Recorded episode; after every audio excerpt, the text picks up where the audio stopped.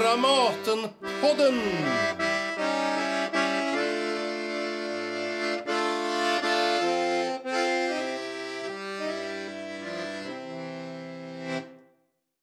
Nu är det ren glädje att göra det. Det jag gör. Jag vet inte hur många böcker jag har skrivit. Jag har skrivit i över 60 år. Nästan dagligen. Ja. Så, att, så att jag... För länge sedan tröttnade jag på handling, alltså pjäser med handling. Jag bryr mig mer om stämningar och... och eh, jag vill inte veta. Det är likadant i regin, jag vill inte veta. Jag, jag förbereder mig inte, jag vill inte veta vad som ska hända. Utan det, det, det, jag försöker skapa en stämning där det uppstår. Ja, du förbereder aldrig en repetition utan Jag du... slutade med det för länge Ja, sedan. okej. Lars Norén själv om sitt skrivande och sitt arbete som regissör. Det är Irena Kraus som talat med honom och hela den intervjun kommer ni kunna höra efter det samtal som kommer först här i Dramatenpodden. Det hölls igår kväll på Dramatenbaren med rubriken Att regissera Norén. Så vi rör oss genom sorlet i publiken till scenen där dramaturgen Irena Kraus med mig, Anneli Duva, vid sin sida ledde samtalet med fyra regissörer om att regissera Norén. Eh, hallå! Hej kära publik och hjärtligt, hjärtligt välkomna ska ni vara till den här kvällen som vi har kallat Att regissera Norén. Det är väldigt roligt måste jag säga att se att det är så många här. Det är jättekul, verkligen. Eh, jag ska strax presentera eh, pan panelen, låter väl väldigt högtidligt, men jag ska strax presentera oss alla. Men jag tänkte bara säga några få inledande ord här att eh, Lars Norén, vår, vår tids eh, mest spelade och eh, främste dramatiker, fyller ju faktiskt 75 år här i vår, den ni, 9 maj, med, närmare bestämt. Och det vill vi uppmärksamma här på Dramaten, också med tanke på att vi har ett väldigt speciellt förhållande till Norén på Dramaten. Vi har en lång tradition av att spela hans pjäser. Eh, vi vill gärna påstå att han tillhör oss lite grann samtidigt som han verkligen inte kan ge, ge, göra anspråk på att äga Norén på något sätt. Men just nu spelar vi eh, Andante på lilla scenen. Eh, Det är en urpremiär. Första eh, mars hade vi premiär på den i regi av Lars själv. Den är första delen en trilogi där de övriga två redan har haft sin premiär. Vintermusik sattes upp 2017 på Kulturhusets stadsteater av Sofia Jupiter som sitter här. Och Poussière, eh, som heter Stoft på svenska, satte Lars själv upp på Comédie Française där den hade premiär eh, i februari 2018. Jag heter Irena Kraus, jag är dramaturg på Dramaten och har varit Lars Noréns dramaturg i den här processen med Andante. Anneli sitter till höger. Ja, hej och jag heter Anneli Duva. Även jag är numera dramaturg på eh, Dramaten. Men jag har ju jobbat länge innan dess på Sveriges Radio och eh, känt eh, Lars Norén från det hållet. Jag har sett väldigt, väldigt mycket. Jag har varit på urpremiärerna i Umeå av både personkrets och 7-3 och under, förutom alla andra uppsättningar jag sett i Stockholm och över landet och även eh, recenserat dagböckerna har jag också gjort. Jag har faktiskt läst varenda sida i alla tre delarna kan jag säga.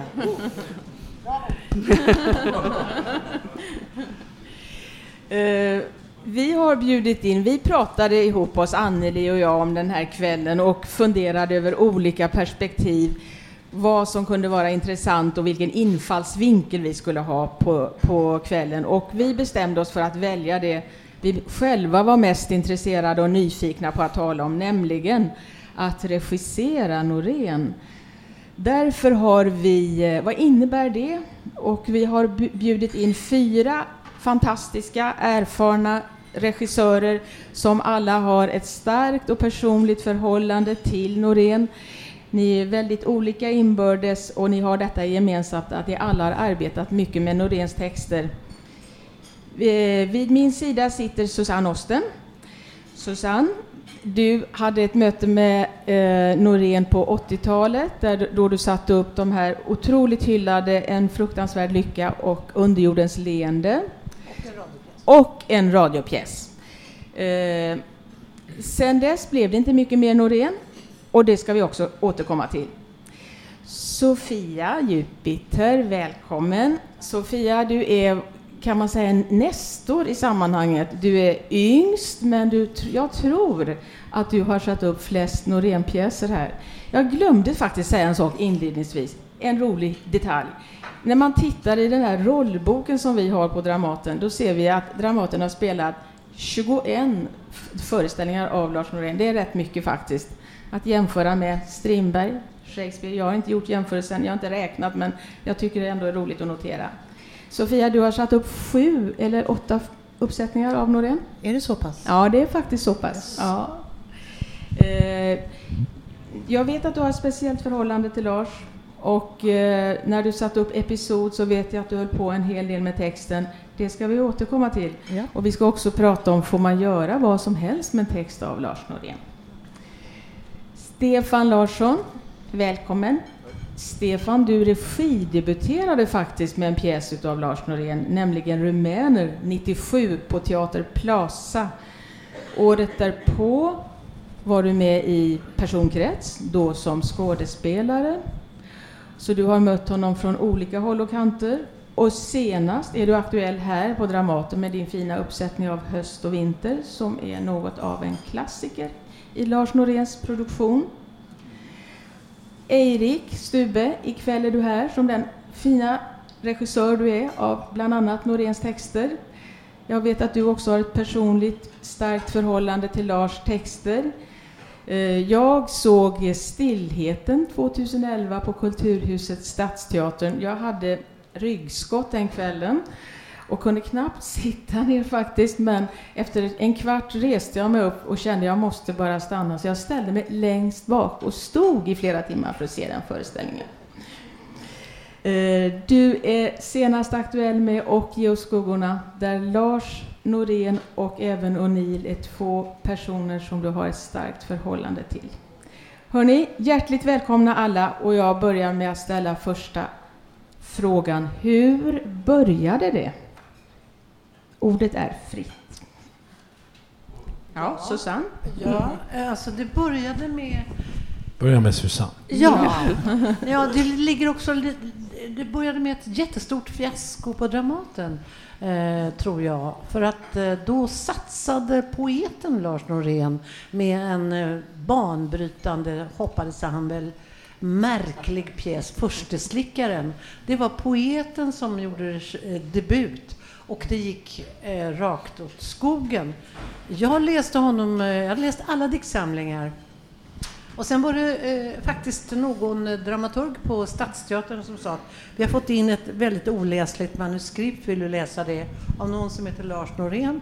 och, eh, och ett sånt manuskript skulle nog idag aldrig ens bli läst på Dramaturgiatet, det är mina fördomar. Det var skrivet med vanlig skrivmaskin och var kaffefläckar på. Eh, och eh, det, var inte liksom, det var inte det enda som var svårt, att det var eh, inte skrivet professionellt. Det tror jag inte man brydde sig om. Men de karaktärerna som var där i en fruktansvärd lycka, de ansågs omoraliska av repertoarrådet. Och på den tiden var det ett repertoarråd och jag eh, blev förtjust i pjäsen och sa att den här skulle jag vilja göra. Ja, men de här kan inte gestaltas. De här finns inte, de här människorna. Och då vet jag att jag sa, ja men jag är en sån här människa. och eh, det, det, fick gå. Eh, det var en, en, en, våldsam, eh, en våldsam dramaturgi, en ovanlig komposition. För det var eh, väldigt existentiella problem, men det var också det att det fanns en 20 minuters monolog. Och det var liksom inte en harmonisk dramaturgi, utan det var eh, hetta och eh, ofärdigheter i, i texten. Men det var som ett eh, utbrott kan man säga. Och eh, jag som åkte mycket buss på den tiden hade hört alla människor säga det, liknande saker i svenska bussar. I alla fall, det är, eh, man kan säga att det här var innan Lars Norén var Lars Norén. Han var en poet Så att eh, jag satt vid hans sida och sa, vad menar du med det här? Rad för rad för rad för rad. Eh, och eftersom han är sanningens diktare, säger, kan vi läsa om i Andante här, eh, och allt var sant och han hade djävulusiska krav på sanningen. Det var inte bara det att det skulle vara sant, det skulle det ljugas så att man skulle förstå att det var lögn och ändå var det sant. Alltså det var ett väldigt precis sanningsbegrepp. Susanne, får jag av, avbryta dig? Ja, det får du. Ja, vi återkommer till det. Nu gick du osökt in på den följdfrågan jag också ville ställa. Den, den går jag vidare med till Sofia här. Hur började det, men vad föll ni för, om ni nu gjorde det? Det har Susanne redan svarat på. Ja, för mig började det ju då mycket, mycket, mycket senare. Eh, och jag är uppvuxen på 80-talet där Lars Norén och de här borgerliga dramerna var liksom nollpunkten om man var teaterintresserad. Eh, det var det man skulle röra sig bort ifrån. Eh, dessa ordrikedomen och eh, alla dessa uppgörelser och alla familjer som liksom, och allt missbruk som skulle upp i ljuset och allt det här. Det var liksom det som man skulle röra sig bort ifrån. Så jag var ju väldigt ointresserad av Lars mm. väldigt länge och sökte mig mer till Jon Fosse och den, liksom, det andra sättet att skriva eh, om en modern människa. Så att jag, började ju, jag föll ju inte alls för Norén. Eh, och sen så hörde jag att han började skriva terminalpjäser och tänkte att han gjorde som Fosse och började rensa orden. och sen så blev jag uppringd av, av Lars och Ulrika då som, som Ulrika Josefsson när de blev teaterchefer på Folkteatern i Göteborg och ville knyta mig till sig som regissör, som husregissör där. Och då var jag extremt tveksam till det för då tänkte jag då kommer jag säkert behöva regissera Norén och det orkade jag liksom inte riktigt med. Eller jag hade inte något som helst intresse av det. Mm. Men så, så var det ju andra som blev uppringda i samma grupp, då Eirik bland annat. Så att jag tänkte att det här kan nog bli kul arbete. Mm. Så att jag föll för Lars Norén när jag började arbeta på golvet med hans texter. Som den första då var Skalv, som var en terminalpjäs som hade urpremiär där på Folkteatern. Och eh, då, då först, när man står där på och ska ge de här orden en kropp och när man ska hitta en relation mellan de här karaktärerna, då följer jag ju pladask som, eh, som en praktisk teaterarbetare. Och sen dess är, tycker jag ju att han är mest, eller jag har ju liksom förstått varför han är en mästare när man arbetar med materialet. Mm. Stefan? Ja, jag vet inte var jag ska börja. Jag, eh, jag kom ju till Dramaten 1984 och har väl i princip följt, sett allt som har spelats av Norén här och var ju en väldigt ung man och doppades väl både i Bergman, Norén, Strindberg, Ibsen under de här åren. Och de, de höll ju på med samma sak, i princip alla de här männen vid den tidpunkten. Och eh, under 80-talet kom ju som sagt Natten, Kaos, sen kom de borgerliga dramerna. Eh, och jag minns att jag sökte upp Rumän. I de döda pjäserna fanns det väldigt mycket fragment. Ofärdiga texter som jag upplevde som skitigare och trasigare. Jag var vid den här tidpunkten på Galeasen och vi ägnade oss åt trasighet och skitighet i hög grad. och då tyckte jag att de borgerliga dramerna vid den tidpunkten var så färdiga. Eh, han hade blivit för skicklig för sitt eget bästa, kommer jag ihåg att ni sa i någon intervju. Jag har fått äta upp flera gånger. Och eh, hittade den här rumäner och blev väldigt förtjust i texten. Och den saknade en tredje akt, vilket lockade mig extra mycket. För den bara slutade plötsligt. Den var, den var, var inte färdig och var inte duktig. Och sen återkommer jag nu då på gamla dagar till höst och vinter eh, som eh, handlar om samma sak som Andante. Döden, tiden, flyktigheten. Och det, det, så han var där redan då och, och jag är på väg in i den perioden också. Ungefär så i väldigt grova, yxiga drag ser min start och relation ut till honom. Och personkrets. Ja. Eirik, du har ju också satt upp rumäner faktiskt, men det var inte där det började, eller hur? Nej, det är möjligt. Jag tror att jag... Eh, läste faktiskt Norén första gången. Kaos är granne med Gud tror jag den Mm. första som jag läste. Ehm, och jag har, jag, vet, jag kommer inte ihåg, men jag har gjort några stycken alltså. Ehm, några urpremiärer också, två tror jag, som jag minns. Ehm, men men det, det, det började väl med Kaos är granne med Gud och, och de där. Jag tycker fortfarande det Mm. hotellpjäserna är grunden till nästan allt som skrivs efter det. det är, jag, jag tror att Lars Norén, om han inte var svensk, hade han fått Nobelpriset för länge sedan. Ehm, men, men eh, jag ehm, eh, regisserade några pjäser och sen mitt möte med honom var egentligen mest att han bjöd mig till Sverige.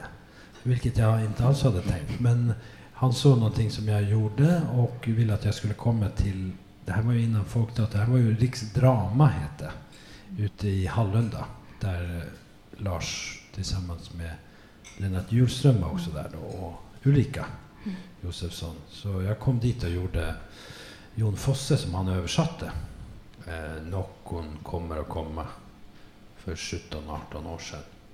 Ehm, så, Översatte Ja. Lars den? ja, det gjorde okej. han. Ja. Ehm, väldigt bra. Kan man säga. Så, men eh, ja, så började det för mig. Jag tycker att eh, det, han är punkt den främsta dramatikern i Sverige efter Strindberg. Det är od, odiskutabelt, tycker jag.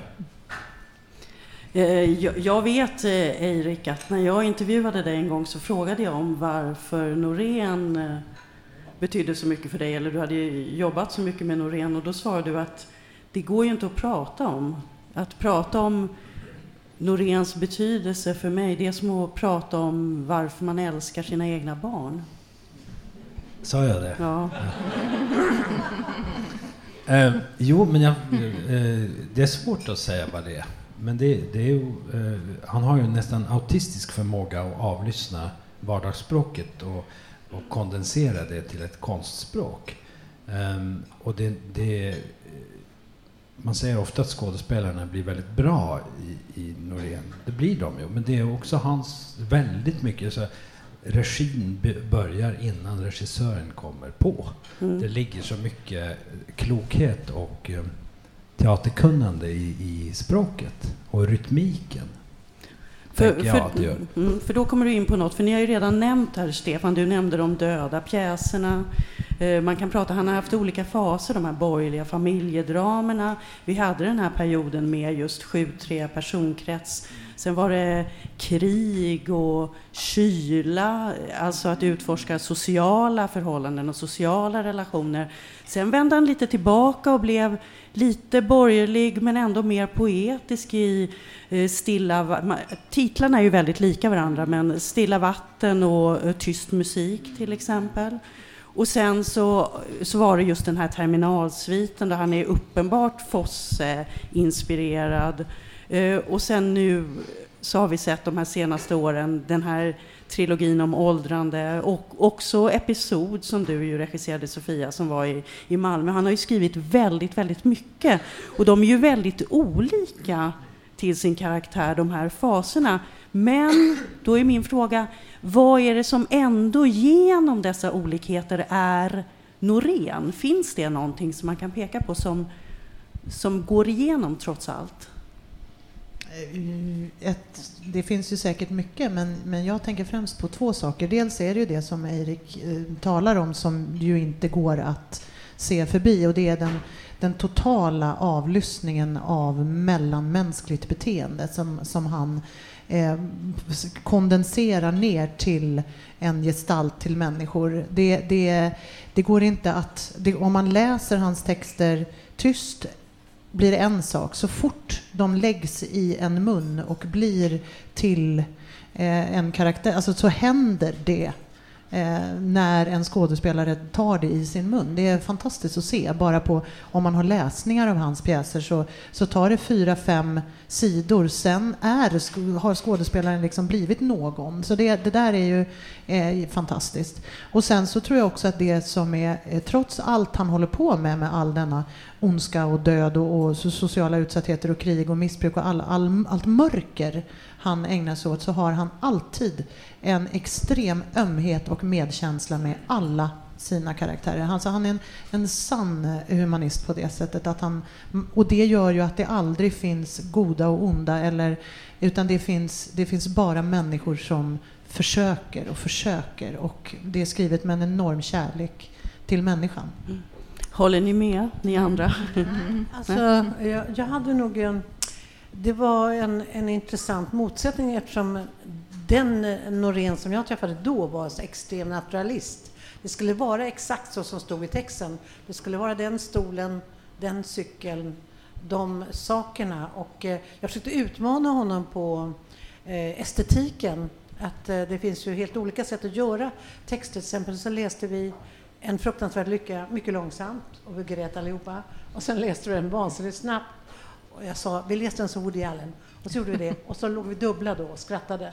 Och då blev han helt förtrollad över att ah, det fanns alltså olika temp. Det här är en ung eh, människa som har skriver för teatern och ännu inte kommit in i teatern och eh, har eh, naiva krav på teatern. Den ska vara sann. Eh, det finns bara ett sätt att vara sann. Eh, och så kan man visa då, nej, det finns... Och sen så blev det ju en tävling där han sa att det här kan jag göra mycket roligare. Så gick han hem och skrev om saker och då kom tillbaka med mycket ro roligare grejer. Och sen eh, försökte jag utmana honom också på det på estetiken, att det behöver inte vara sant hela tiden. Det kan vara en falsk sol och en äkta soffa. Alltså, det, det finns massor av sätt att göra det här. Eh, och eh, han var ju väldigt nervös för min eh, vad ska vi säga, estetik då eftersom den inte var realistisk. Så att det, där, där, tycker jag att det fanns en, en, en, match som jag ville, ville gå med honom. Och sen också dramaturgin, att han hade svårt att sluta. Eller att grejerna var korta eller de var väldigt långa. Eller man kunde kanske lägga... Ja. Och det, var, det är en ung dramatiker. Men... Eh, så... Det, blir intressant, Susanne. Susanne, för att jag, tänkte, jag undrade... Eller, när jag gick hit så tänkte jag på vad har Susanne gjort? Just det, fruktansvärt lycka. Så kom jag så funderade jag på det. Varför gjorde hon inget mer sen? Ja, du, ska, du får svara ja. senare. uh, men, uh, och vi pratade om hur fantastiska skådespelarna blir hos Norén och det var ju också det alla sa på 80-talet att vem, vilken sopa som helst kan spela Norén och bli bra. eh, ungefär så. Och så kom jag på när jag kom, då tänkte varför slutade Susanne regissera Norén? Och så kom jag att tänka på ett, ett tacktal som Staffan Valdemar Holm höll till mig på, jag gjorde långdagsfärd mot natt här. Och jag tyckte jag hade gjort en hyfsat radikal tysk version av den där. Och så ställer sig Staffan upp på sitt oefterhärmliga sätt och säger det här, vi måste komma ur det här O'Neill-träsket. uh, och, men så tänkte jag, Bergman närmade sig aldrig Norén. Staffan Valdemar Holm har nog inte tänkt tanken att regissera Norén. Eh, och då har jag funderat på, det var ju Björn Melander, Christian Tomner, det var några som, som verkligen var aktiva Norén-regissörer. Men de iscensättarna var inte så roade. De, jag tror inte de kände att det gick att bryta sönder i tillräckligt hög grad och den psykologiska dramaten, realismen, naturalismen var så, den var så stark och, och, och den var så, ja, den förhindrade uh, utbrytningsförsök eller dekonstruktion eller vad vi nu vill kalla det. Mm. Så det tyckte jag var lite bara mm. en tanke som varför vissa har närmat sig och vissa undvikit. Mm. Sofia, får jag bara sticka in här då? Eh, det, här, det stod i någon recension här av Episod som jag läste så stod det att ingenting händer men allt har hänt. Eh, du var ju inne och tittade lite på våra repetitioner på Andante och jag är ju väldigt förtjust i att stryka och Lars var ju väldigt artig och vänlig och så han höll liksom god min där. Men, men du sa be väldigt bestämt att nej, nej, nej, det är ett tillstånd som bara pågår, det är det han beskriver. Anser du att detta pågående tillstånd, är det något grundläggande hos Lars Norén? Eh, svår fråga. Det, grund, alltså, ehm, nej, men det, det, det beror ju på vilka pjäser såklart. Mm. Alltså, det är olika pjäser. Men, men just Andante hade han ju skrivit ett, en fantastisk scen, typ den enda scenen. Han skriver inga scenanvisningar längre. Men den enda scenanvisningen som finns i Andante är, är precis i början, alltså allra överst, så står det publiken får inte förvänta sig att det ska hända något. Eh, och det tycker, då, då har man ju liksom lagt ribban på något sätt. Men, men jag menar att att eh, om det är ett grundläggande tillstånd, det kan inte jag svara på. Men, men, men i de här texterna som vi talar om nu så tänker jag att det är just det att även ett tillstånd där det till synes inte händer någonting blir rafflande dramatik mm. i hans händer.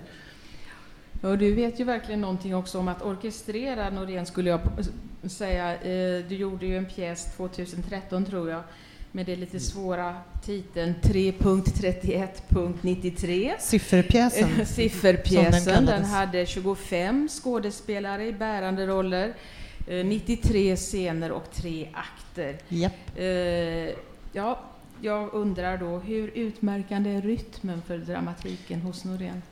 Alltså den är ju nödvändig och den är ju eh, väldigt tydlig. Alltså den är, den är ju där.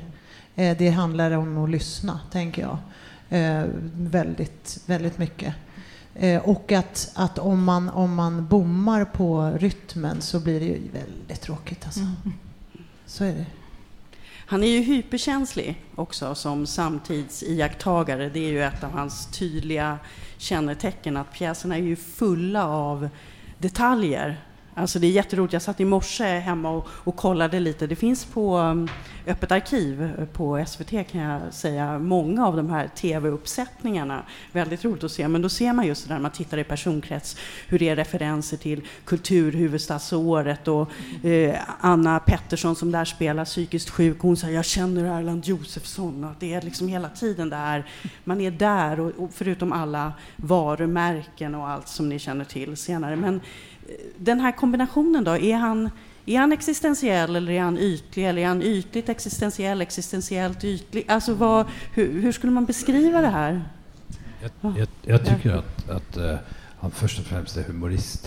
Ja. Jag, jag, tycker att humorn är det som knyter ihop uh, den tidiga dramatiken med, med den så kallade nya dramatiken som är mer fåordig och jag, jag hör väl till de som kom egentligen till hans dramatik genom det mer fåordiga, upptäckte den andra på något sätt.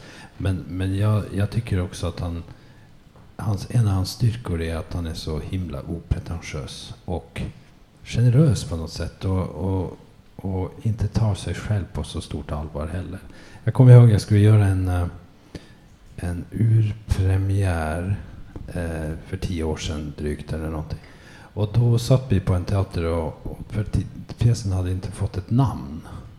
För de, de har sällan ett namn och så, eller de har något namn. Och så är det inte på allvar. Och så sa jag, ja vad ska den heta då? Så vi satt två stycken på teatern där och hade någon högtalare. Pratade med Lars på telefon. så började han säga, jo nu ska det heta Mörkrets mack, någonting. någonting mörk, in i mörkret och så här. Och så sa vissa, någon sa, ja men eh, du eh, Lars, det är ju egentligen en ganska ljus pjäs. Just det! Ljus ska den heta. Och den, den blev hetande Ljus.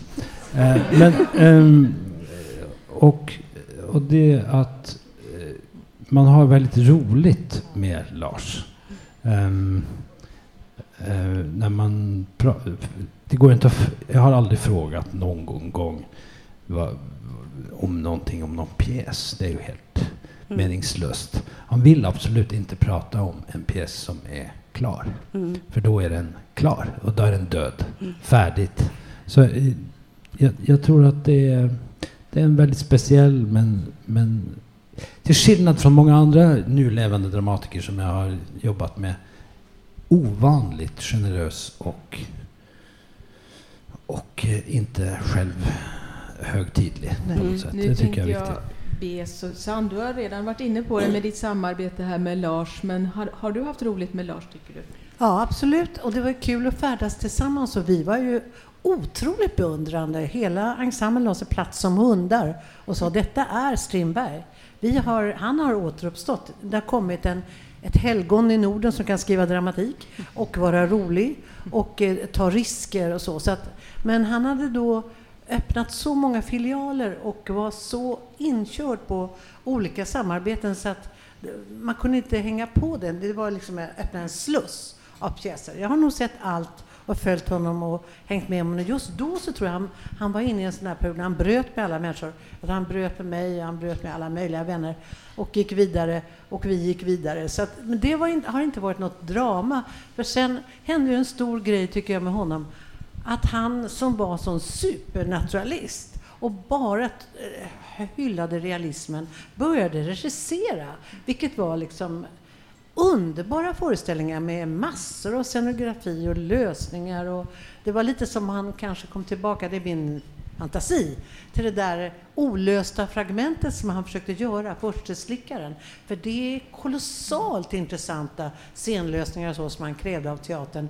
Blödande stolar och såna här riktigt dramatiska saker, alltså mer shakespearianskt språk och metaforer.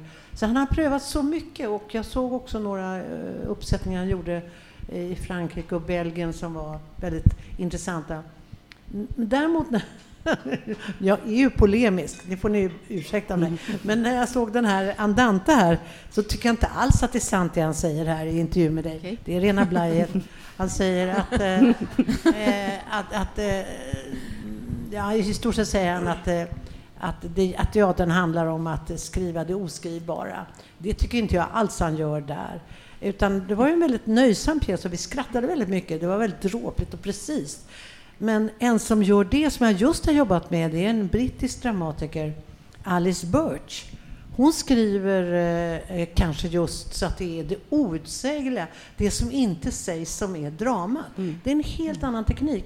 Och då tänker jag, vad påminner det här om? Ja, i början så det är möjligt att, att det finns i några av de pjäser som jag inte har läst och som du har jobbat med, när han är där. Men i Andante tycker jag han är vid andra outsägliga existentiella djup. Men det de säger rör inte vid det outsägliga. Det är mera såna här repetitioner som Alice Birch har i den där En anatomi av självmord. Okej, okej, okej. De pratar okej, okej. De upprepar saker och det händer fruktansvärda saker.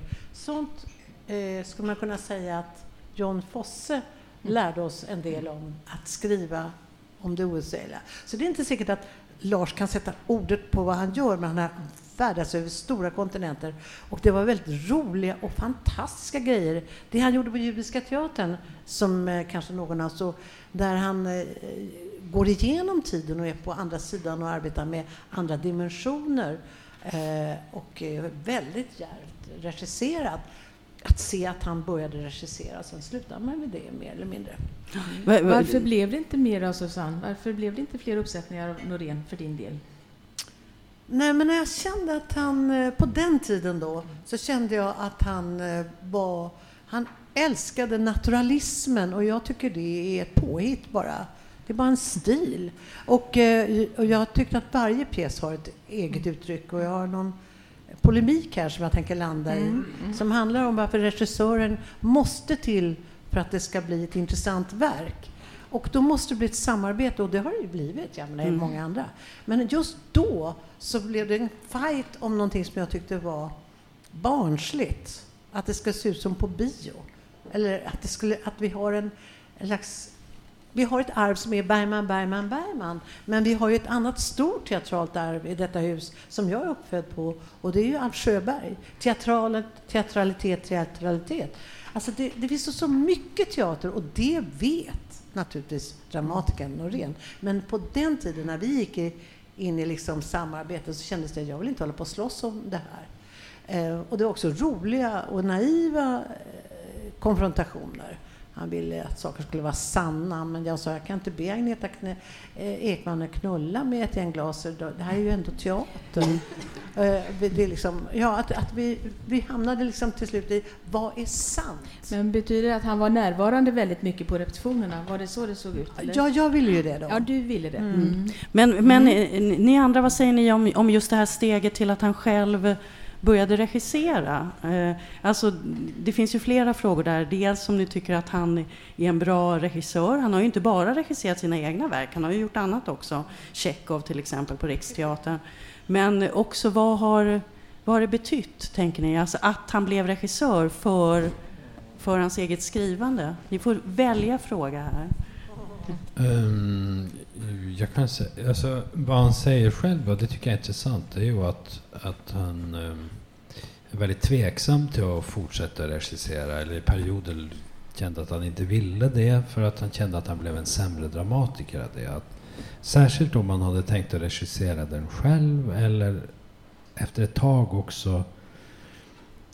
För att han beskrev det som om man varje gång han kom till ett kritiskt skeende eller en, en kritisk en svår avvägning i texten så, så var det så lätt att säga ja men det där det fixar vi på golvet. Och då, då blev diktningen på något sätt lidande av att det fanns en regiambition medan han skrev. Eh, och då sa han att han ville sluta regissera. Han kände några sådana här Sinatra-slut han har haft där han skulle sluta. Men kom tillbaka ändå. Men jag förstår att det är, det är inte okomplicerat. Att, att du, eh, för en, en, dramatiker som måste lämna ett verk och så säga att så, så, så, står det där. Då kan du inte hålla på så där. Mm. Så jag tror att det var inte oproblematiskt att skulle regissera sina egna texter heller. Men sen tycker jag att han, han um, på sitt bästa har um, väldigt mycket att ge som regissör. Och hade det, saker som jag har sett. Vad är det du tycker är bra? En, en djup förståelse för skådespeleri och um, en, en, ett förtroende för texten. Ett av hans mantror är ju um, um, lita på texten väldigt enkelt. Det låter väldigt enkelt, men det betyder enormt mycket. Mm. Um, det, det är kanske en dramatiker som säger det med sin egen text. Lita på den för den är så bra. Men det handlar inte om det. Det handlar om... Det, du kan inte lägga till mer än så här mycket på en replik. Den mm. blir sämre av det. Så det, det är sådana saker som har varit viktiga för mig. Um, Erik, får jag gå in där ja. och fråga en sak eftersom nu är du inne precis på det som jag tänkte prata om. Mm. Jag vet ju att både du och Sofia, ni är väldigt texttrogna regissörer och jag ja, undrar om det är extra viktigt när man jobbar med Norén? Mm. Och vad text, jag, jag, vet inte helt vad texttrogen är, men jag tror att jag tycker alltid att det är viktigt att vara verktrogen. Eh, det vill säga, det är någonting annat. Det är väl vi med? Ja, ja, ja, jag var med på dem bara. Nej, men jag vet inte riktigt vad man är när man är texttrogen. Men det kan ju betyda att man stryker hälften. Då, bara att, att man är väldigt tro mot det man uppfattar. Man kan inte göra någonting annat än det man... Jag, jag tycker att man kan göra i princip vad som helst, bara det fungerar. Det, det är mitt motto. Men, men jag tror att eh, Noréns eh, sanningslidelse för skådespeleri, det är viktigt och bra. Och man kan lära sig mycket av det. Det, det, det tror jag. Och jag tror många skådespelare kan lära sig mycket av honom. Men, men det, det är en del av regisserandet, men inte allt. Men, men just det tror jag är väldigt, väldigt viktigt. Mm. Vad säger du Sofia på samma fråga här som var... Mm. Ja, alltså jag, jag har ju eh, svårt att stryka Eh, och var, liksom, jag har en väldig respekt för en text eh, därför att eh, jag söker ju också någon form av sanning som någon har lagt i en text. Och eh, en, en sån författare som Lars lägger ju inte slumpvis saker i en, en pjäs utan de ligger ju där av en anledning. Och då tänker jag så att om, om jag inte får ihop det här så är det antagligen inte Lars det är fel på. Utan det är antagligen mig det är fel på, eller oss, eller hur vi gör eller hur man ska säga. Så att jag tror att det är en, en sund eh, respekt för yrkeskunnandet, dra, dramatiker. Att, att eh, för jag, jag, kan också ibland få att om jag, har, om jag börjar dra här och börjar stryka här, det blir som att repa upp en kofta. Vem är jag att tala om när det tar stopp? Alltså, vad, hur ska jag veta när det helt plötsligt inte går att ta bort? Eller, och så vidare. Så att jag, jag, jag texttrogen skulle jag säga på så sättet, inte att göra exakt som det står kanske, men, men att, att lita på att det finns någonting i den här texten som det är min uppgift att plocka fram och lyfta fram snarare än att jag ska använda texten för ett syfte och anpassa den till... Det är bara olika sätt att närma sig ett verk på, mm. Norén eller annat. Mm. Eh, och, ja. Men, Men du... Stefan Larsson, för du har ju ändå en unik erfarenhet här i den här gruppen, mm. att du också har varit skådespelare och varit regisserad av ja. Lars Norén, förutom att du har regisserat hans texter. Hur är det olika då, att vara på de två sidorna? Av hon, eh, att bli regisserad av honom helt enkelt? Ja, jo, men precis. Att, ja, att, att, spela. Att vara skådespelare hos honom och att själv regissera. Jag var så förtvivlat ung så ja. att jag... Och det var ju vid den tidpunkten så var ju, alltså, vi var ju en grupp som bad emot Östermalmsgatan där han bodde vid det tillfället. Menar, vi beundrade honom kopiöst och eh, han eh, att få vara i närheten av Norén var ju lika tjusigt en period som att vara nära Susanne och, och Bergman. Det var ju, man var ju välsignad eller utvald och så vidare. Så man, vi var ju som en rockgrupp som reste omkring i Sverige. Men, men eh, Lars tycker jag, eh, han jobbade då vid den tidpunkten eh, inte med handfast regi utan med, med en form av, som jag minns det, väldigt stilla med bilder och kunde prata om någonting som föreföll inte alls om saken att göra.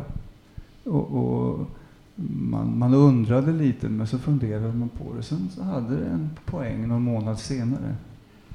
Eh, den, den här diffusa bilden han beskrev, eller situationen som liknade kanske den situation vi skulle gestalta. Så minns jag honom då. Men då ska man minnas att när Lars gjorde Personkrets, då hade han regisserat två eller tre föreställningar innan. Så det var en ganska orutinerad person som gick in i detta jätteprojekt som mm. kostade hur mycket som helst vid den tidpunkten att producera. Men har du som regissör tagit med dig någonting från hans sätt att arbeta? Nej. Nej, det kan jag inte påstå alls faktiskt. Jag, jag mina regiförebilder, det är inte Lars. Lars är en av som alla här unisont har hyllat honom gränslöst. En, en fantastisk dramatiker, men jag, jag har haft eh, kanske tyska regissörer eller andra eh, Sjöberg eller andra förebilder, Rickard och Torsten och så vidare. Då skulle jag fråga Sofia här, hur ser det ut för din del? Du har ju, vi har ju just jobbat med Hamlet tillsammans. Eh, det känns som att du är rätt att du, funderar, att du bär med, med dig mycket av den tonen och färgen av Lars Norén när du regisserar andras texter. Vad säger du om det? Absolut, och jag skulle vilja gå längre bak än så. Jag tror att det som har skapat mig väldigt mycket som regissör är Jon Fosse. Det var där det började väldigt mycket för mig. Och det är där jag fortfarande är kvar. Eh, och sen som sagt så har ju Lars eh, passat ofantligt väl in i det sättet att lyssna på människor och att gestalta människor, att, att lita på det som finns i texten och det som finns mellan, mellan orden och mellan människor och så vidare. Så att um, jag skulle säga att, att uh, Fosse och sen efter det Lars Norén har präglat mig extremt mycket som regissör i, i vad jag än, eller som människa om jag ska vara så, så hur man, hur man ser på människor och medmänniskor och, och, läser sociala sammanhang och så vidare. Eller att eller antingen präglat mig eller att just de här två herrarna passar väldigt bra in på mitt sätt att läsa min omvärld. Det, det kan man ju diskutera vad som kommer först såklart. Eh, Susanne, eh, kan, eh, för, för, förlåt, komma med Stefan, kort innan vi släpper det. Ja, en, en, en, här, regi eller mm. text. Eh, det finns också någon eh, tidsaspekt i det här. Eh, eh, nu tycker jag att de unga regissörerna som kanske tar tag, jag tänker på Kersti Horns föreställningar i, i Norge till exempel, som jag tycker det där börjar man frigöra sig från traditionen och applicerar kanske, vi säger det, centraleuropeiska eh, attacken på texterna som jag tycker också bryter loss en ny, eh, nya värden ur... Jag, det är de jag har, sett senast. Jag tycker det kommer ut nya värden. Och det kanske måste, den kanske, det måste kanske ha gått så här lång tid innan man slår yxan i det, precis som vi har gjort med Strindberg till slut, som nu gör texter som man kan vara fri och vild med, men det kanske inte kunde vara för 50 år sedan. Mm. Men även om man inte slår yxan i, så går ju tiden och tiden påverkar ju hur vi ser. Mm. För, för det tänkte jag när jag såg just din uppsättning Ja. av Höst och vinter. Eh, om man, när man såg de här familjedramerna när de kom så Ja. uppfattade i alla fall jag dem, det kanske var att jag var så väldigt ung då, eh, men som så mörka och Mm. svåra. Och det var ju så man också har pratat om Norén.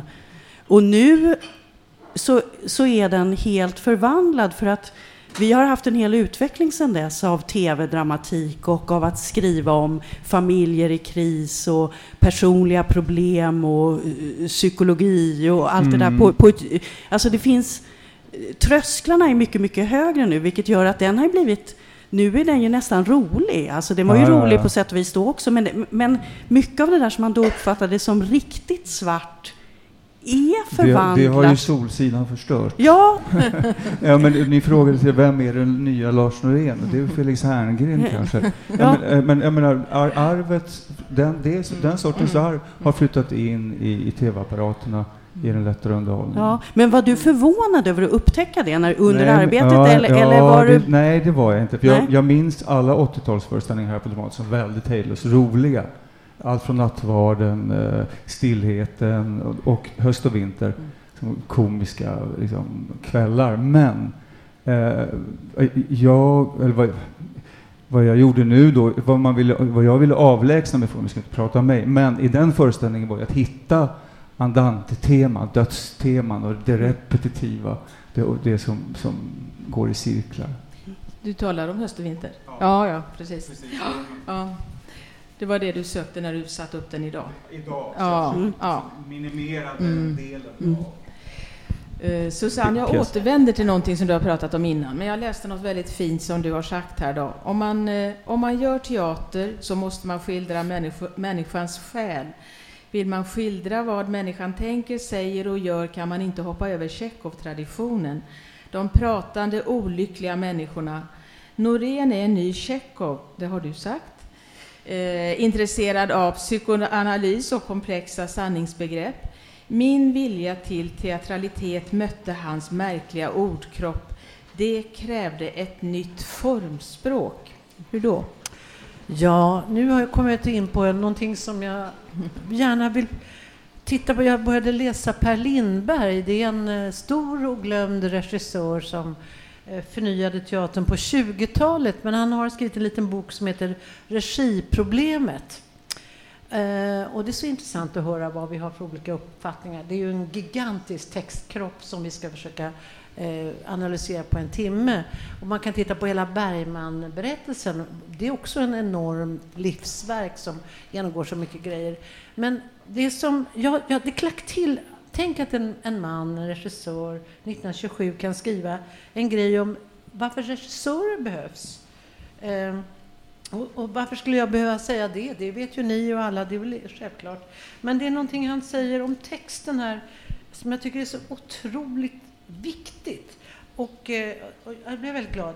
Alltså att han, han säger att en regissör måste kunna uppleva varje pjäs som en särskild individ, inte som en samling roller. Ett drama är vuxet fram ur människans hjärna. Nu tänker jag på Lars hjärna. Det är någonting i högsta grad overkligt, en personlig andlighet. Detta mentala måste bevaras vid framförandet på scenen. Konstverket på scenen kan aldrig vara vad Zola ansåg att ett konstverk var, ett stycke natur.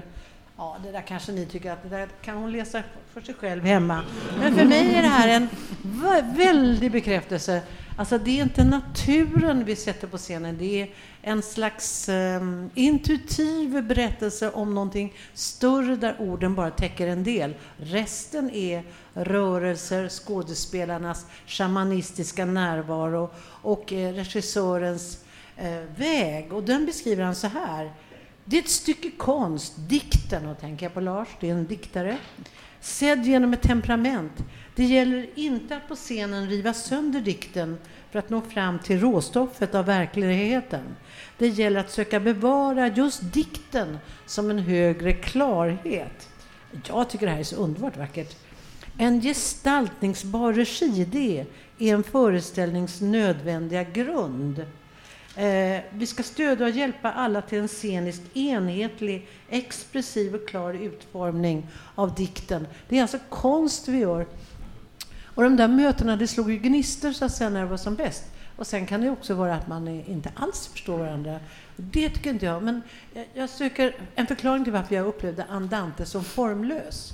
Och det har jag själv varit med om när jag har regisserat mina egna texter. Det tycker det var intressant det som Eirik säger, att det är svårt att regissera sin egen text. För var är regissören? Mm.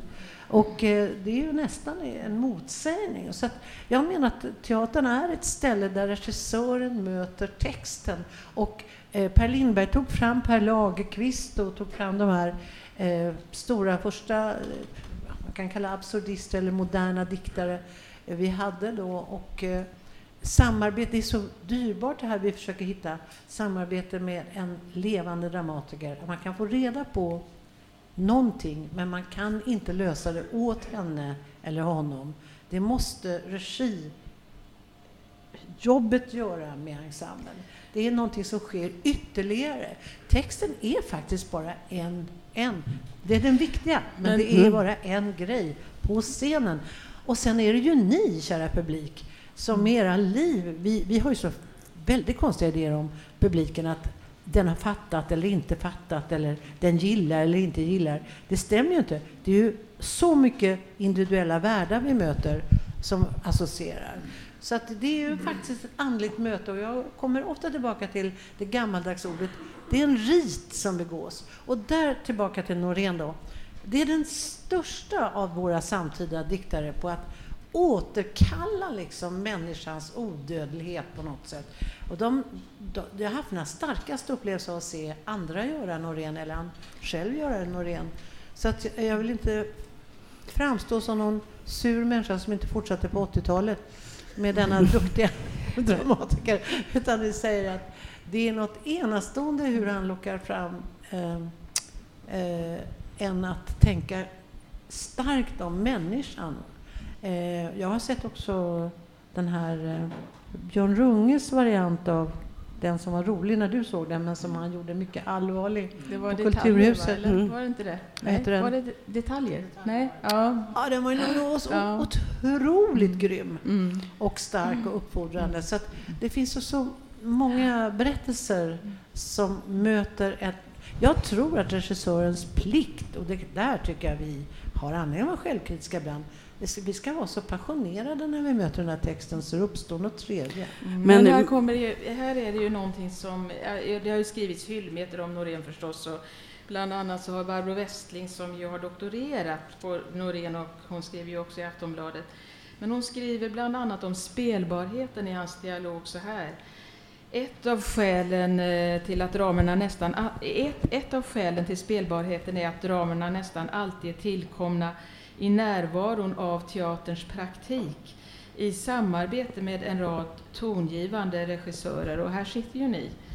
Eh, hur viktiga har regissörerna varit för dramatikern Norén? Du är inne på det Susanne och jag ser att ni andra vill säga någonting också. På vilket sätt? Nej, men jag tror att det är en jättepoäng. Att, mm. att, eh, för det är ju sant som du säger Stefan, att han var, eh, Norén var en ganska oprövad regissör när han gjorde personkrets. Men men om jag har fattat rätt så var han väldigt närvarande på andra regissörers repetitioner. Satt med väldigt mycket. Han hade ju sett väldigt mycket helt från... Om jag förstår dig rätt Susanne så var han med mycket på... Ja. Och jag tror väl att han var med mycket här i huset också på, på olika... Så jag tror att han... Eh, jag, jag tror att, för, inte, för ett sekund inte prata om Norén, men prata om det nya dramatiker. Det är också viktigt. Um, jag tror att, vi pratar om Jon Fosse också, uh, det är dramatiker som har kommit till och Arne Lygre som också är en, en stor eh, dramatiker idag på norsk språk eh, har, har kommit till därför att de har varit i närheten av teatrar som har arbetat mm. så hårt och metodiskt mm för att ta fram ny dramatik. Ska man säga att ja, teatern i Bergen, som Stefan känner väl och kommer att känna ännu bättre, där, där jobbade man ju i flera år nästan enbart med ny dramatik. Och dödade ju nästan ensemblen med ospelbara texter genom flera säsonger. Det är en annan historia. Men, men ur detta experiment så kom det ett par diamanter och, och det, jag tror att det är värt det. Men det, det kräver någonting av teatrarna. Man kan inte bara gå och vänta på att det ska komma en ny. Vad pratar man Precis, det är en, teaters, en av teaterns uppgifter. Ja, ja, säger jag till Mm, teatercheferna. Men, men om vi inte bara ska vara vördnadsfulla, ja. eh, för det är lätt att bli det, för vi har ju poängterat nu den ställning han har och betydelse och allting. Men vad är dåligt med Jag var inne för det ganska tidigt. ja, ja. Eh, och jag, jag, jag, och utan att förringa vårt arbete med hans texter så, så menar jag verkligen att det var ju då eh, eh, eh, expressiva undersökande regissörer som verkligen undvek eh, Norén för de, de tyckte det var för färdigt. Psykologiskt klart, vi förstod allt. Det, det, fanns inget, det finns inget, fanns inget för dem där att göra helt enkelt.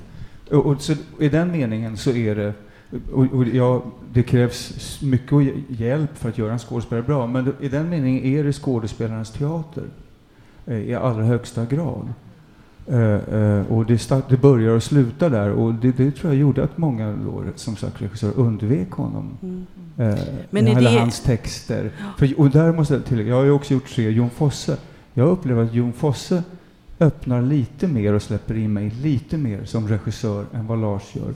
Lars texter har sin, sin eg, sina egna flöden som man blir vä- väldigt aktsam om och, och vill låta vara för att, det är så, för att det är så genomlevt av både ande och, och, och, och visdom så man, man, man drar sig för att slå yxan i det som Kersti Horn gör. Mm. Sofie, Sofia, förlåt. Ja, nej, Sofia, varsågod. du sitter och ville säga någonting där. Nej, alltså, jag, jag tyckte bara att det är intressant det här med att- att samarbete med Mm. regissörer och så Ja. vidare. För att vi, vi, jag har ju som sagt gjort jättemycket Norén Mm. och vi har en väldigt, väldigt fin relation. Mm. Jag har fått några pjäser av honom och sagt den här har jag skrivit till dig, bla bla bla. Han har fortfarande aldrig sett en minut Nej, det av det jag har gjort. fråga. Han har inte sett eh, en, en minut på en repetition, han har inte sett en enda föreställning. Han har inte överhuvudtaget, han har flera gånger önskat, alltså, för det är också ett, sam, alltså ett samarbete när, när jag ber om en, så här saknar jag en scen, förstår du mig och kan du skriva det och så vidare. Ja, ja, ja, jag kommer, jag ska vara med och jag ska sitta och jag ska, och så dyker han aldrig upp. Och, och, och jag har ju inte, alltså eftersom jag, precis som Susanne mycket klokt har sagt att jag tror ju att teater är en text som möter en regissör som möter skådespelare. Alla de rollerna måste till. Det är därför jag tror, tror, liksom är, förstår att det är väldigt svårt att, att regissera sina egna pjäser. Så jag har inte heller saknat honom i rummet. Jag skulle nog eh, Alltså, det är inte på mitt initiativ han vill komma om man säger så, utan jag tror att vi, vi har ett samarbete som är extremt bra för att han skriver väldigt bra och jag regisserar det. Men du, när du gjorde episod då, till exempel, så vet jag ju att du jobbade väldigt fritt med texten. Och får man då lov att göra vad som helst med Noréns texter? Nej, det får man ju inte. Nej. Såklart. får man absolut inte göra. Så ja, då får man fråga om lov. Mm. Så det gjorde jag. Vad, vad har han för efterföljare då? Om vi ska börja med lite sådana här eh, sammanfattande frågor. Vilka är, om man ser att han själv har kommit ur en tradition som innehåller både O'Neill och Strindberg som ni har nämnt. Men vad kommer efter Norén? Då kommer Alice Birch. Mm. För man ska inte heller glömma Bergman som in, Ja, ja, inspirerande Ja, ja, faktor självklart. till Sen ett äktenskap. Ja, 1800. jag räknar in Bergman Jag bara- i, gru, i gruppen han- O'Neill, ja, Strindberg, Bergman. Ja, de, de, Mm. ja. Jag menar att det finns en ny eh, dramatik som eh, är väldigt avancerad nu. Jag jobbade med en pjäs som har tre berättelser samtidigt på scenen och eh, som innehåller både psykologi och samhällsbeskrivning, och karaktärsutveckling och rytm och musikalitet. Och då är det som om filmen har påverkat teatern, alltså hur man klipper. Också kunskap om hur publiken följer tv-såpor och filmberättelser. Det kom väl också med eh, den stora Altman-filmen, hur man klipper, alltså i berättelsen. Det där har också, finns också i Lars dramatik. Men det kommer en, en eh, dramatik som är, har helt nya dramaturgi, dramaturgier nu. Det kan man ju se. När man jobbar med den så tänker man att det, det har att göra med vårt digitala samhälle och våra förmågor. Vi har utvecklats som sort. vi kan se, se dramatik. Det behöver inte vara en sak i taget längre. Det håller på att hända nu. Och finns, eh, där finns ju den här experimentscenen Royal Court som, eh, där Alice Birch jobbade med sin Anatomy of Suicide med eh, regissören och att de jobbar, tar fram eh, pjäsen. Och det, det är ju det vi talar om här. Man får mm. pröva nya saker. Och Alice frågade mig varför ska ni sätta upp den här? Det kommer ingen publik och skådespelarna hatar den. Eh, och eh, så är det inte nu. Nej. Stefan, du ville säga något? Ja, ja vad, vad, Uppenbarelsen var väldigt fin tyckte jag. Mm, Mattias Andersson. Ja, Mattias Andersson. Mm. Det, det, det, slog an någonting tycker jag av, av, av någon, någon, större värld. Eh, eh, vad man kanske, om man då i hyllningskören här eh, får sakna någonting hos, hos Norén mm. så är det konstruktion. Alltså pjäskonstruktioner. Eh, tydlighet som hos eh, Schimmelfenning, Mayburg som jobbar med idéer, byggen. Lite det som Susanne nämner här. Eh, eh, och, och, i den genren tycker jag det finns en hel del levande eller, alltså författare på gång. Men det är en annan skola. Om vi, men om vi pratar om en svensk efterföljare mm. så är det, finns det inte många. Och sen är det här som vi talar om, Norén har ju lyckats, han fyller det med, jag kan inte använda ett annat ord, en, så mycket själfullhet och ande. Och det, det, är det, som, det är så genomsyrat på cellnivå. Och, och, och, det är väl det som skiljer de här som håller på med konstruktioner, är lite kallare. Det, det, det andas inte, men det är minst lika intressant. Mm. Tycker.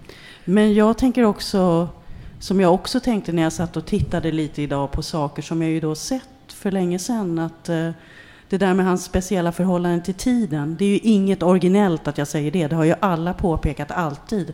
Men att det verkligen är så att han är den här eh, termometern i tidens röv som någon, någon gång, om det är han själv som har sagt att han vill vara. Ja, ja och, att, och att den förmågan är ju helt fantastisk. Och när i personkrets en rollgestalt säger vi lever i den sista lyckliga tiden. Och det tänkte man väl på då lite så här, och så nu när man mm. ser det, vi lever i den sista lyckliga tiden. Mm. Det är ju det är ju profetiskt. Mm. Det är ju läskigt.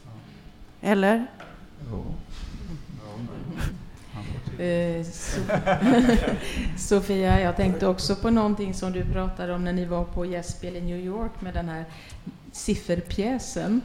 Eh, då sa du att du upptäckte eller upplevde att det vi tror är lokalt hos Lars Norén visar sig vara allmängiltigt och framförallt globalt. Jag vill bara knyta an till det mm, du ja. säger också, ja. Eh, Anneli. Ja, det, det, var ju, eh, det var ju större än så, för sen mm. efter det så, så... För då, det var när jag, det var inte på turné med, med Stadsteaterns uppsättning, utan jag jobb, gjorde en, ah, okay. en annan mm, uppsättning mm. i New York. Med, och det var det som var så fantastiskt, mm. att det var det var då skådespelare från New York som mm. spelade samma text som jag just hade gjort här. Och helt plötsligt så var samma personen var från Brooklyn och det var självklart att den här personen liksom var från New Jersey och satt hemma i soffan. Alltså det, det var precis lika självklart där som det var på Sergels torg. Och sen ytterligare året senare så, så, fick jag frågan om att hålla en masterclass på temat Norén i Moskva för ett, skådespelarstudenter. Och så tänk, du får välja vad du vill. Och då tänkte jag, måste ta scener från den där 3.31, 93 och liksom prova om hur det var, fungerade i Moskva. Mm. Och det var ju precis samma sak där. Att det var, och, och just det här som skådespelarna, apropå du säger att det är skådespelare, det är skådespelarnas teater. Mm. Att både i, i New York så var de ju helt fascinerade över att men vänta, den, han har ju aldrig träffat mig. Han känner, vet inte hur det är att, att ha, en, var, liksom, ha en brorsa som åkt fast i gängkriminalitet i Brooklyn. Alltså, han har ingen aning om hur det är att bo i det här. Och samma sak säger de i Tyskland. Hur kan, hur kan han veta hur vi har det? Mm. Och, och det, det, är ju det där som är så... Alltså det är så han är så otroligt lokal och därför blir han så extremt global. Mm. Det sa Jon Fosse också när jag intervjuade honom en gång, just att det lokala är det universella. Och det är ju så i någon mening. Att man... Men om man tittar då, vad, vilken, eh, vilken är er favorit eh, Norén-pjäs? Vilken skulle ni vilja se igen uppsatt? Det är två frågor här, men ni kan välja lite, kan ni tänka? Det är jättesvårt att få sådana här frågor när man inte har fått dem på förhand? Ja, jag eh, återkommer till den här uppsättningen som handlade om Tjetjenien, tror jag, eh, som han satt upp i Bryssel med eh, trafficking och eh, barnprostitution och det moraliska dilemmat med någon FN-officer som eh, köpte sex av barn. Var alltså, allting var precis det man inte kan få, få få någon publik att gå och titta på. Det var verklig tragedi och det kändes som eh, eh, nödvändigt att skriva den där och det är väl det är väl då min tilltro till teatern att det är det enda stället där man kan göra saker som man egentligen inte kan göra någonting om. Eh, det är inte en tidningsartikel utan det är en, eh, ett drama om livet. Det var en otroligt bra regisserad föreställning på hans egen text. Kanske hjälpte det att det var på franska så att han fick en distans till sin egen text där. Mm, mm. Så han kunde göra regin, för den var väldigt genomförd. En väldigt eh, svart, guldig katastrof. Eh, det måste ha varit eh, i början av den olyckliga tiden då. Precis, som vi har hamnat ja, i. Ja. När alla våra illusioner har brustit. Vad säger du Sofia? Nej, alltså jag ju, säger ju bara så att eftersom jag var så ung och dum och tyckte så illa om Norén när personkrets gick så har ju inte jag sett den än. Mm. Så det hade, alltså på scen. Mm. Så den skulle jag ju otroligt gärna vilja. Ja, men, men gör det, för det skulle vara så otroligt igen. intressant att se den nu. Ja, och, absolut, och var, så det får tiden, gärna någon ja. göra. Eller du. Stefan? Ja, det, är, det är ganska svårt, men jag... Alltså fram, jag, fram till uh, de döda pjäserna så tror jag jag har läst allt, alltså fram till dess. Sen har jag inte haft den regirelationen. Men i döda pjäserna ser en massa fragment, korta, en akt här och där. Och då, då är det en bara... Det, jag, jag, kan inte svära på att det här stämmer nu.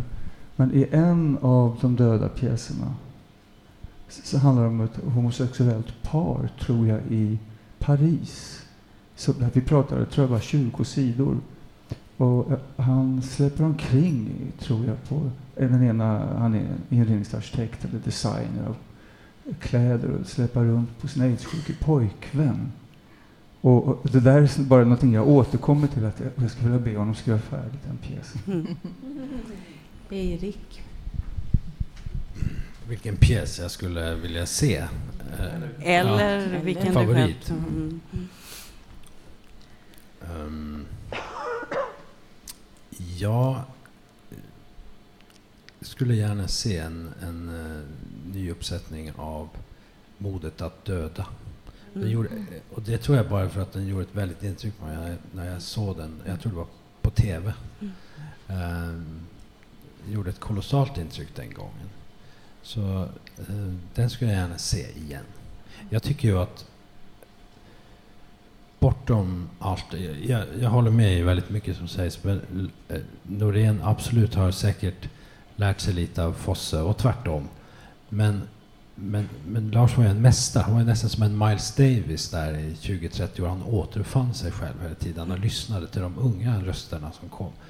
Det finns ju i de döda pjäserna också fragment och delar som är uppenbart Sarah Kane-inspirerade. Mm. Eh, det finns ehm, en lyhördhet, eh, ett intresse för vad som pågår i världen. Allt från sådana fantasier. Kommer ni ihåg att det var en Bibliotekgatan som låg en Emporio Armani då, då, då skrev han i någon pjäs att bak de här provrummen, där är ingången till helvete. Alltså, det, det, hans förmåga att dikta sig in i det han hör och ser i Stockholm mm. blir öppnare. Det, det tycker jag, och sen är det i hjärtat av det hela så finns det en ganska sentimental kille som skriver, eh, det är hans styrka och några gånger en svaghet.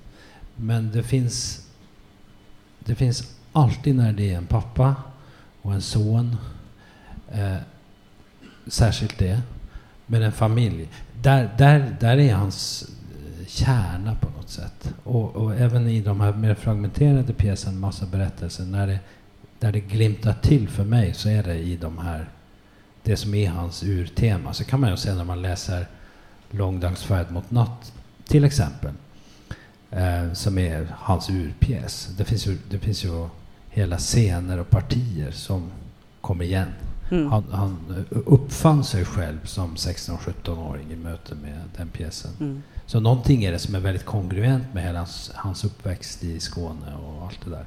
Så det finns något djupt personligt och känslomässigt som, som är grunden, tror jag, till det som, som senare utvecklas i, i många olika riktningar. Med Mm. en stor, stor förmåga att ta till sig det som sker i världen Mm. också. Och barnets upptäckt av konsten är också ett återkommande tema och, och konstens betydelse då i förlängningen. Susanne, ville du lägga till något också? Det vore fascinerande om vi fick se den där furstaslickaren, om den, om den liksom vi se. reste sig upp här. Hans fruktansvärda eh, eh, tack, fiasko.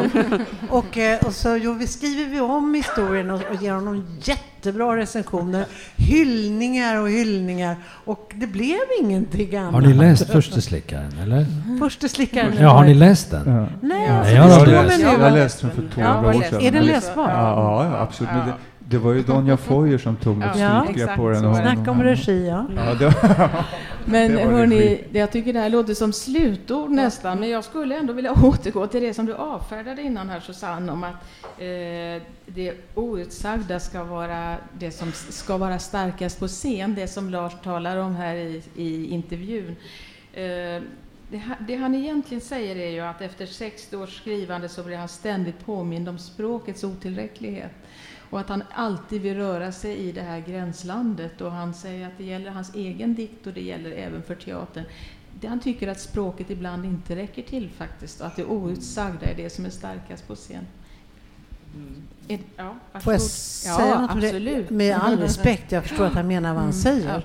Han, han famlar efter någonting där, men han är för bra på att tala ibland. Och han kan ha svårt att avstå. Mm. Ja, jag kan nog hålla med dig. jag håller med dig. Hörni, Anneli, vill du lägga till någonting? Eh, nej, jag vill säga tack till er alla för att ni kom hit. Ja, tack kära Tack. publik. Ja.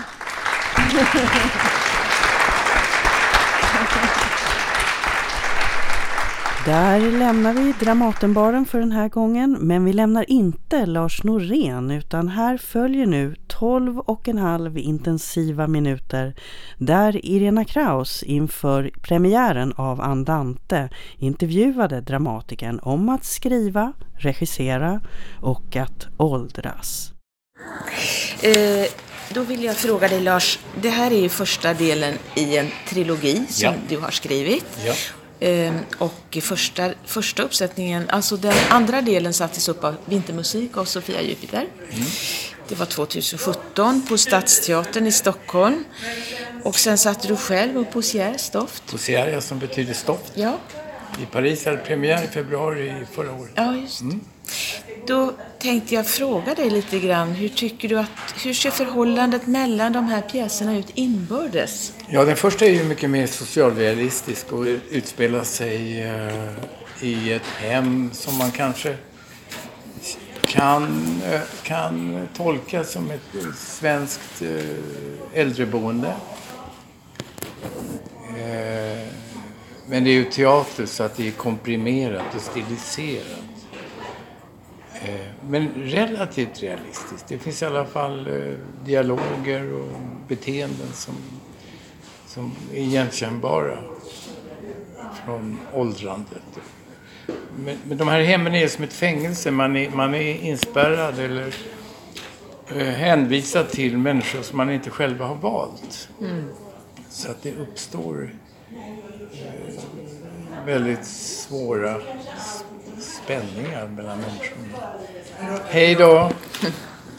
Inte minst eh, klasskillnaderna. Plötsligt st- står man naken från sitt yrke och sin bakgrund. Och är bara, bara existens som ska försöka överleva tillsammans med andra. Som befinner sig i samma situation fast i olika stadier. Medan däremot den andra pjäsen, den är, mer, den är, är tänkt som... Alltså det, är- då är de inte på hem. Det är ett antal människor som eh, i sökandet efter trygghet och en viss omväxling har återvänder till samma eh, igenkännbara turistplats år efter år. Det kan vara Kanarieöarna eller Mallorca. de bor på ett hotell med svensk mat och, där, och eh, känner hur åldrande kommer och kryper närmare och närmare hur livet, livets slut närmar sig. Mm. Och där är de kanske... Ja... Jag har lite jämfört det med... Nej, det har jag inte. Det kommer i tredje pjäsen. Den är mer aktuell för mig, den tredje pjäsen som jag nyligen har gjort. Den. Men, men, men, men det är också åldrande. Vad händer efter pensionen? Och där är de lite närmare trots allt, eh, allt det de har förlorat. Därför att de är inte hemma i sin vanliga miljö. De känner visserligen igen den här miljön men, men, men eh, den är väl mer vemodig än den här. Mer sorgsen. Jag tror att den här är brutalare. Medan i tredje pjäsen, den, den har jag tänkt lite grann som en av de här floderna i helvetet. Lete eller Styx, jag kommer inte ihåg det just nu. Men, men man är på väg över från livet till dödsriket. På den floden så passerar man många, Tårarnas flod tror jag den heter, om man översätter den. Då passerar man många av de här det liv man har levt, de platser man har varit på. Inte som ett farväl, utan det är någonting som repeteras hela tiden. Att man, man, man åker förbi allt det man har förlorat. Och, och i den pjäsen dör alla utom två personer. Det är, det är deras dödsögonblick.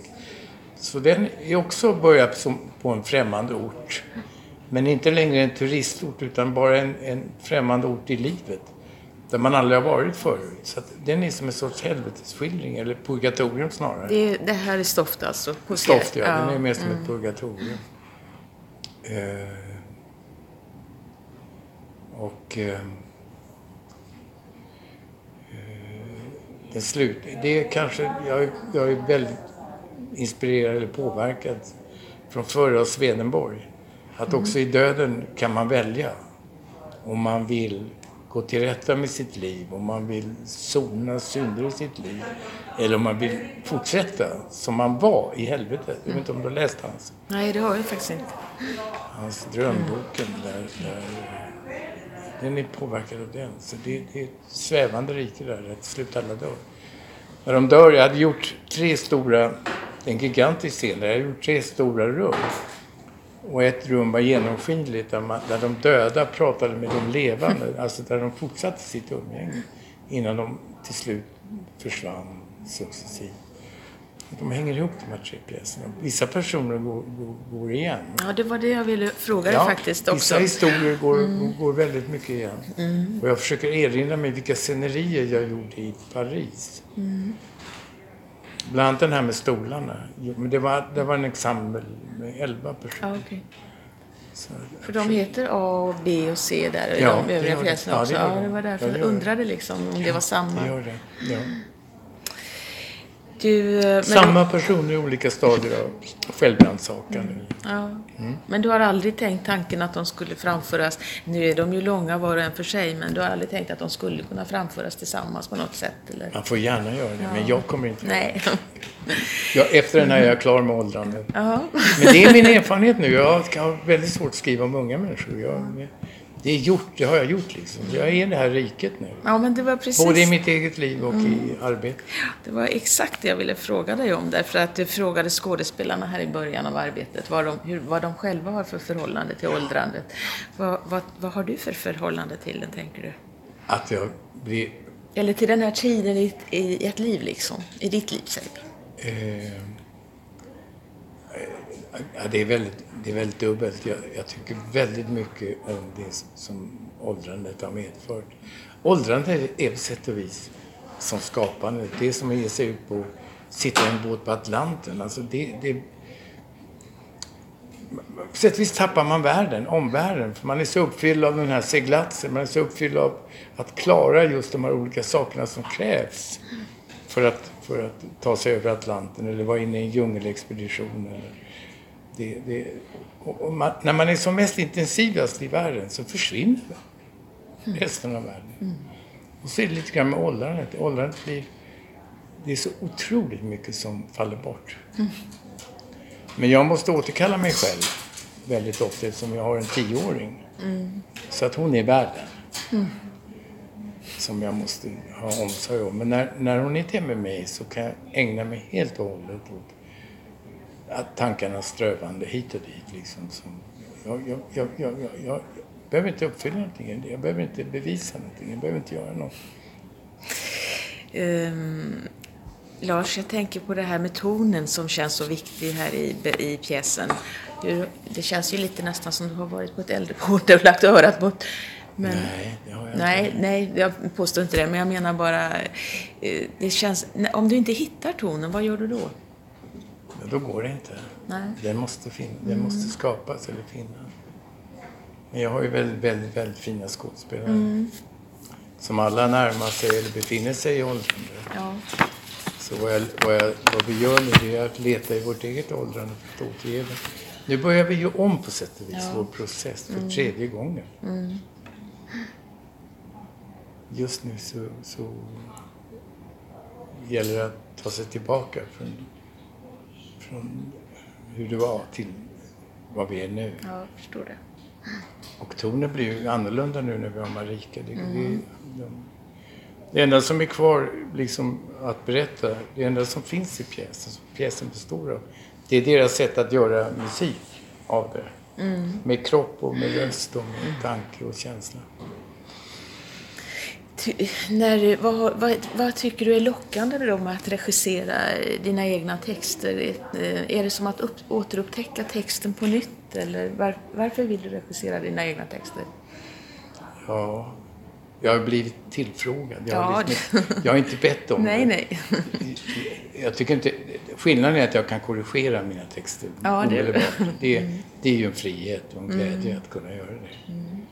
Och att jag på något sätt, när, när man skriver, så redan det är en form av regi. Så det gäller att överföra det till det konkreta arbetet där. Det som, det som inte står i texten men som kommer innan jag skriver repliken så kommer det ju en, en tanke eller känsla av vad, vad det här ska uttrycka och det gäller att översätta det. Men det är ju ingen skillnad när det gäller min text eller någon annan text utom just det att jag kan påverka mm. Jag kan gå längre mm. i regin än jag, än jag gjorde i skrivandet. Ja. För du lägger till en hel del repliker här nu också. Ja, jag ändrar och korrigerar mm. efter vad som uppstår.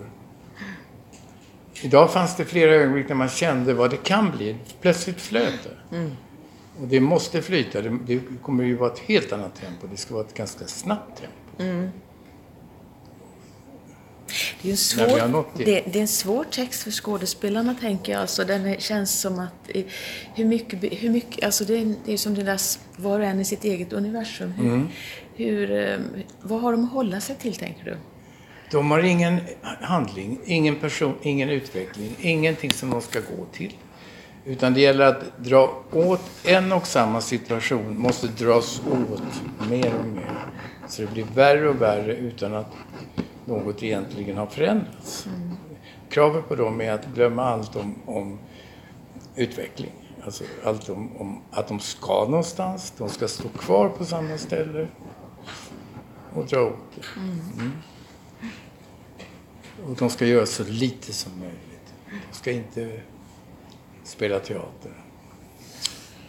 Den är rolig texten. Jag skrattar väldigt Ibland mycket. Ibland är den rolig, ja. Just det. Har du själv haft roligt när du har skrivit den? Alltså, jag är ganska kall när jag skriver. Jag tänker bara på, är det här, är det här en bra formulering? Är det här en bra kontrast? Är det här en bra relation? Nu har jag roligt ibland när de, när de gör det till sitt. Mm. Så uppstår det komiska situationer. Men jag, jag sitter inte och skrattar när jag skriver. Jag, jag är så koncentrerad. Mm.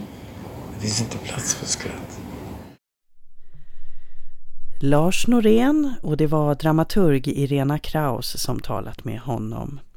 Dramatenpodden släpps varannan fredag. Nästa avsnitt hör ni den 29 mars. Innan dess är det premiär för både Guds olydiga revben efter Gunilla Thorgrens bok i samarbete med Cirkus Cirkör. Tilde Björfors regisserar på stora scenen den 21 mars. Lolo Ambles nyskrivna Vilddjur har premiär på Målarsalen den 27 mars och den 29 mars är det premiär för Tennessee Williams klassiker Linje Lusta i regi av Stefan Larsson på Lilla scenen. Mer information om allt detta finns på vår hemsida dramaten.se. Tack och hej! För vi gjorde en måne av silver bör kunna av Gud.